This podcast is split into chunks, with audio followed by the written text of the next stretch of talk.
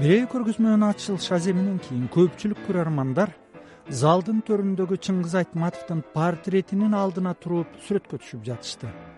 Май боек менен тартылган жана чоңдугу эки жарым метр бир жарым метрлик бул полотнонун автору сапар осмоналиев эле.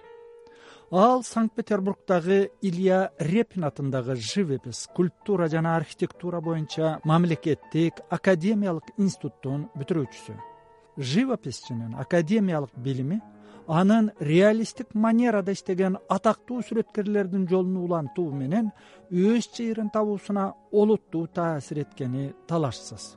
Муну художник тарткан чыңгыз айтматовдун портретинен да байкоого болот.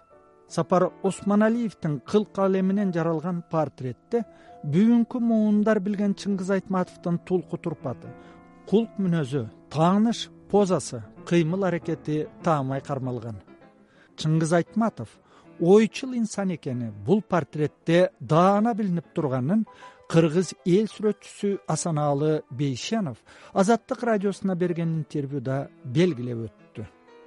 Мына бүгүн көргөзмө ачылып атат э, чыңгыз төрекуловичтин токсон жылдыгына арналган. Эми ар кандай жанрдагы иштер бар экен азыр мен келип биринчи көрүп атам арасынан мына сапарбай осмоналиевдин иши илинген экен. Бирөө абдан чоң көлөмдүү бул эми портреттин жакшы жактары да бар. Мындай портреттер да керек чынын айтканда. Анан кийин окшоштугу жагынан анан кийин э, өзүнүн ойчул экени билинип турат жакшы портрет. Сапарбайдын чыгармачылыгын мен жакындан тааныйм э, абдан э, жакшы сүрөтчү баардык жанрда иштеген натюрморттору да бар пейзаждары бар. Анан кийин портреттик жанрды эстегенде мен мынабу мурунку мүмкүн алгачкы портреттери болсо керек өзүмдүн аялымдын тарткан портрети абдан жагат мага э, колорити жагынан анан кийин кандай бир э, образын чечкенин анан кийин улуттук кийимчен дегендей абдан бир жылуу сезимди пайда кылат да. Чынында абдан азыркы жаштардын ичинен мен жакшы көргөн сүрөтчү да. Чыңгыз айтматовдун бул портрети даркан жазуучунун токсон жылдыгын утурлай эмес мындан алты жыл мурда маданият министрлигинин өтүнүчү боюнча шашылыш тартылган экен. Ал кезде кыргыз совет жазуучусу түбөлүк сапарга кеткенине дээрлик төрт жарым жыл болуп калгандыктан сапар осмоналиев портретти тартууда залкар калемгердин ар кандай сүрөттөрү колдонулганын айтты. Ар кандай сүрөттөрдү алып бирок чогулттум да. Даяр андай сүрөт болгон жок. Ошон үчүн ар бир жерден колун бир жерден денесин бир жерден ар кандай материалдан чогулттум да андай турган буту менен жок экен. Эми окшоштор бар бирок именно ошондойду анан аягында бир кишилерди коюп алып тарта баштадым да натураны. Ошондой кийгизип туруп эми көрүш керек баягы рисунок катары анатомиясын тартсаң жалпысынан бирок айтматовдун образы башкараак бирөө толук бирөө арык анан ошондо ошол жагы эле мен кичине көп убакыт алды да бир аз материал чогултуш анан кийин жазганда ушул бир эле эмне менен жаздым. Себеби он экинчи жылы минкультурадан айтышкан да ошону тартып берсең бизге. Анан убакыт аз эле калды бир он күн калды деген да. Себеби он эки эки миң он экинчи жылы он экинчи декабрь он экинчи ай жүз жылда бир келет дейт. Ошон үчүн ушуну кармап калайык деп ошондо замминистр кулуев кожогелди сурагандан анан кийин тартып берейин дегем. Э, айттым жакса илесиңер жакпаса анда өзүмдөй калат дегем он экинчи тартып берип минкультурада турган. Анан просто элдер көрө элек болчу да көбү. Анан сурап кайра тартуу белекке бергем ушу көргөзмөгө коюла элек болчу. Ошо мүмкүн бир жагынан ошо тез тартылган үчүнбү себеби көп убакыт болсо шашпай тартканда деле болот бирок ал жерде убакыттын аздыгы анан кийин тез тартыш керек болду да. Көп сүрөтчүлөргө жакты. Художник чыңгыз айтматовдун элесин полотно бетинде реалдуу чагылдыруу үчүн улуу жазуучу менен болгон жеке кездешүүсүндө алган таасирлерин да пайдаланган. Айтматовду мен мындай жанымда көргөм жакын көргөм көп жыл өтүп кетти ошондо бир выставкамда ушу лентасын кезип түрк университетинде манас университетинде. Ошондо выставкамды ачып берген бирок мындай жакындан көрүп образын билем да баягы. Элестетип тартканга ошон үчүн оңоюраак болду да. Деди сапар осмоналиев искусство таануучулар фотографиянын негизинде тартылган портретти чыныгы портрет деп эсептешпейт. Анткени сүрөтү тартуучу киши художниктин алдында муюп отуруп бербесе. Көркөмдүк жактан жеткиликтүү чыгарма же портрет жаралбайт.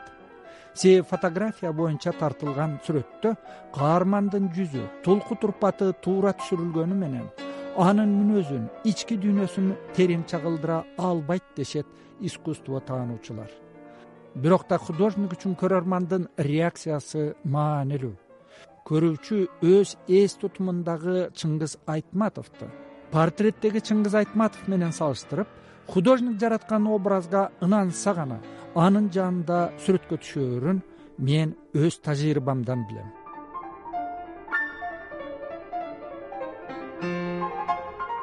Сиздер художник сапар осмоналиев жараткан чыңгыз айтматовдун портрети деген берүүнү угуп жатасыздар. Көрөсөн жазуучуну реалдуу турмуштагыдай чоң кылып тартуу себебин сапар осмоналиев өзү мындайча түшүндүрдү. Себеби туруп турган тартыш керек болчу. Ошол көңүл бурганым эле жалпы бир ушу айтматовдун аурасын беришим керек болчу. Күчүн. Жөнөкөй эле турганда ушу баягы адамдарга баягы көрүнүш керек болчу айтматов деп элечи өтө кээде бир мындай переделать этип жибересиң ашып кетет. Айтматовду баягы сыртынан эле көрүнүп калышы мүмкүн да айтматов ушу ичкиси бир дүйнөсүн бир образын ушул менин оюмча ушул болду окшойт да баягы кичине. Адамдар кечээ баягы жакын келип сүрөткө түшүп атканда караганда ушу өздөрү баягы сезип атышты да. Айтматовдун жанында турганын ошондой болуш керек деп ойлочумун да ошо жанына келгенде баягы сырткы эле баягы тартып эмес баягы. Сырткы кийимин же баягы ичкиси пайда болуп ичкисин кармап калсаң ошондо жакшы да. Ырас ким да болсо көргөн сүрөтүн ошол учурдагы эмоциялык абалына ылайык кабыл алат. Баалайт жактырат же жактырбайт. Портретте каармандын жан дүйнөсүнүн абалы а дидарында көзү маанилүү бул жагынан алганда художник сапар осмоналиев өз алдына койгон максатына жеткенин белгиледи. Маданият министрлигинин искусствону жана кесиптик билим берүүнү өнүктүрүү башкармалыгынын башчысы дамира алышбаева. Биз ал портретке чындыгында эле баарыбыз көнүп калганбыз да. Жумуштан кетип баратканда да жумуштан келатканда да бизди айтматов тосуп алат ошол портретти менимче сапар э, мындай турмушта айтматов менен баарлашкан болуш керек турмушта бул өтө кичинекей интеллигентный өтө мындай зыңыраган сыпайы киши болчу да ошол сырткы манерасын ал кишинин сүйлөгөн эмелерин сапар мындай жакшы кармап калган да негизи э, сүрөтү да абдан окшош. Мен кийинки отчуларда билем жанагы скульптурага келим жасаганда э, чыңгыз бөйрөкбаевичтин көпчүлүгү ушул образын таба албай кыйналганы байкалат да бирок ошол сапар э, айтматовдун образын жакшы тапкан. Кыймыл аракети ички мындай өтө токтоо кишинин өтө образын жакшы тапкан деп ойлойм. Сүйүтбек төрөбековдун дагы триптихи илиниш керек эле ал. Ал дагы өзүнчө мындай анын чыгармаларын каармандарга байланыштырып өзүнчө бир жакшы жумуш жараткан деп ойлойм. А негизи сапар портрет жанрында мындай белгилүү сүрөтчүлөрдүн бири катарында танылып калды дамира алышбаеванын сөзүнө толуктоо чыңгыз айтматовдун алгачкы портретин кыргызстандык сүрөтчүлөрдөн алтымыш усубалиев бир миң тогуз жүз алтымыш бешинчи жылы жана давид флекман бир миң тогуз жүз жетимиш алтынчы жылы тарткан бул эки художниктин чыңгыз айтматовдун портретин тартууда репин негиздеген орус реалисттик мектебинин жолун улантышкан алп жазуучунун токсон жылдык мааракесине арналган көргөзмөдө сапар осмоналиевдин дагы бир иши коюлган. эки миң он сегизинчи жылы тартылган ал эмгектен катуу ой баскан чыңгыз айтматовду көрөбүз. Ал жерде ушу мындай көбүнчө боекты азыраак кылып айтматовду ушу көп боекко алаксытпай мисалы үчүн. Бир аз монохромный бирок караганда да ошо айтматовго ичине кирип кете тургандай ой кылдым да көп цвет менен да тартса болот. Көп цвет болгондо цветтерге алаксыйт да адам. Мүмкүн ошондо ошон үчүн ошондой ойго келген да экинчисинде.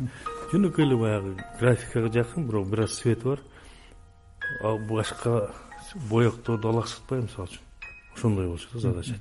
Сапар осмоналиев алгач улуу жердешинин портретин эки миң тогузунчу жылы хостко түшүргөн сүреткердин аталган үч эмгеги тең замандаштарына чыңгыз айтматовдун аалам жүгүн көтөргөн ойчул мүнөзүн түшүнүүгө жана адамдык бейнесин көкүрөгүндө унутпай сактоого жардамдашаары күмөнсүз. Италиялык окумуштуу ренессанс доорундагы искусствонун көрүнүктүү теоретиги леон батиста альбертинанын картина жок адамды арабызда бар кылып турат жана маркумдар тирүүдөй көрүнөт деп айтканы бар бул жагынан алганда сапар осмоналиевдин кыл калеминен жаралган чыңгыз айтматовдун эки портрети тең живописке жүктөлгөн вазыйпаны ишенимдүү аткарган деп айтаар элем. Дегенеси живопись фредерих шеллинг айткандай түпкүлүгүндө табиттин жана талкуунун искусствосу. Себеби живопись табияты боюнча толук бойдон идеалдуу жана реалдуу боло албайт. Ал эми реалдуулукту идеалдуу нерседен издөө бул кайра эле талкуунун предмети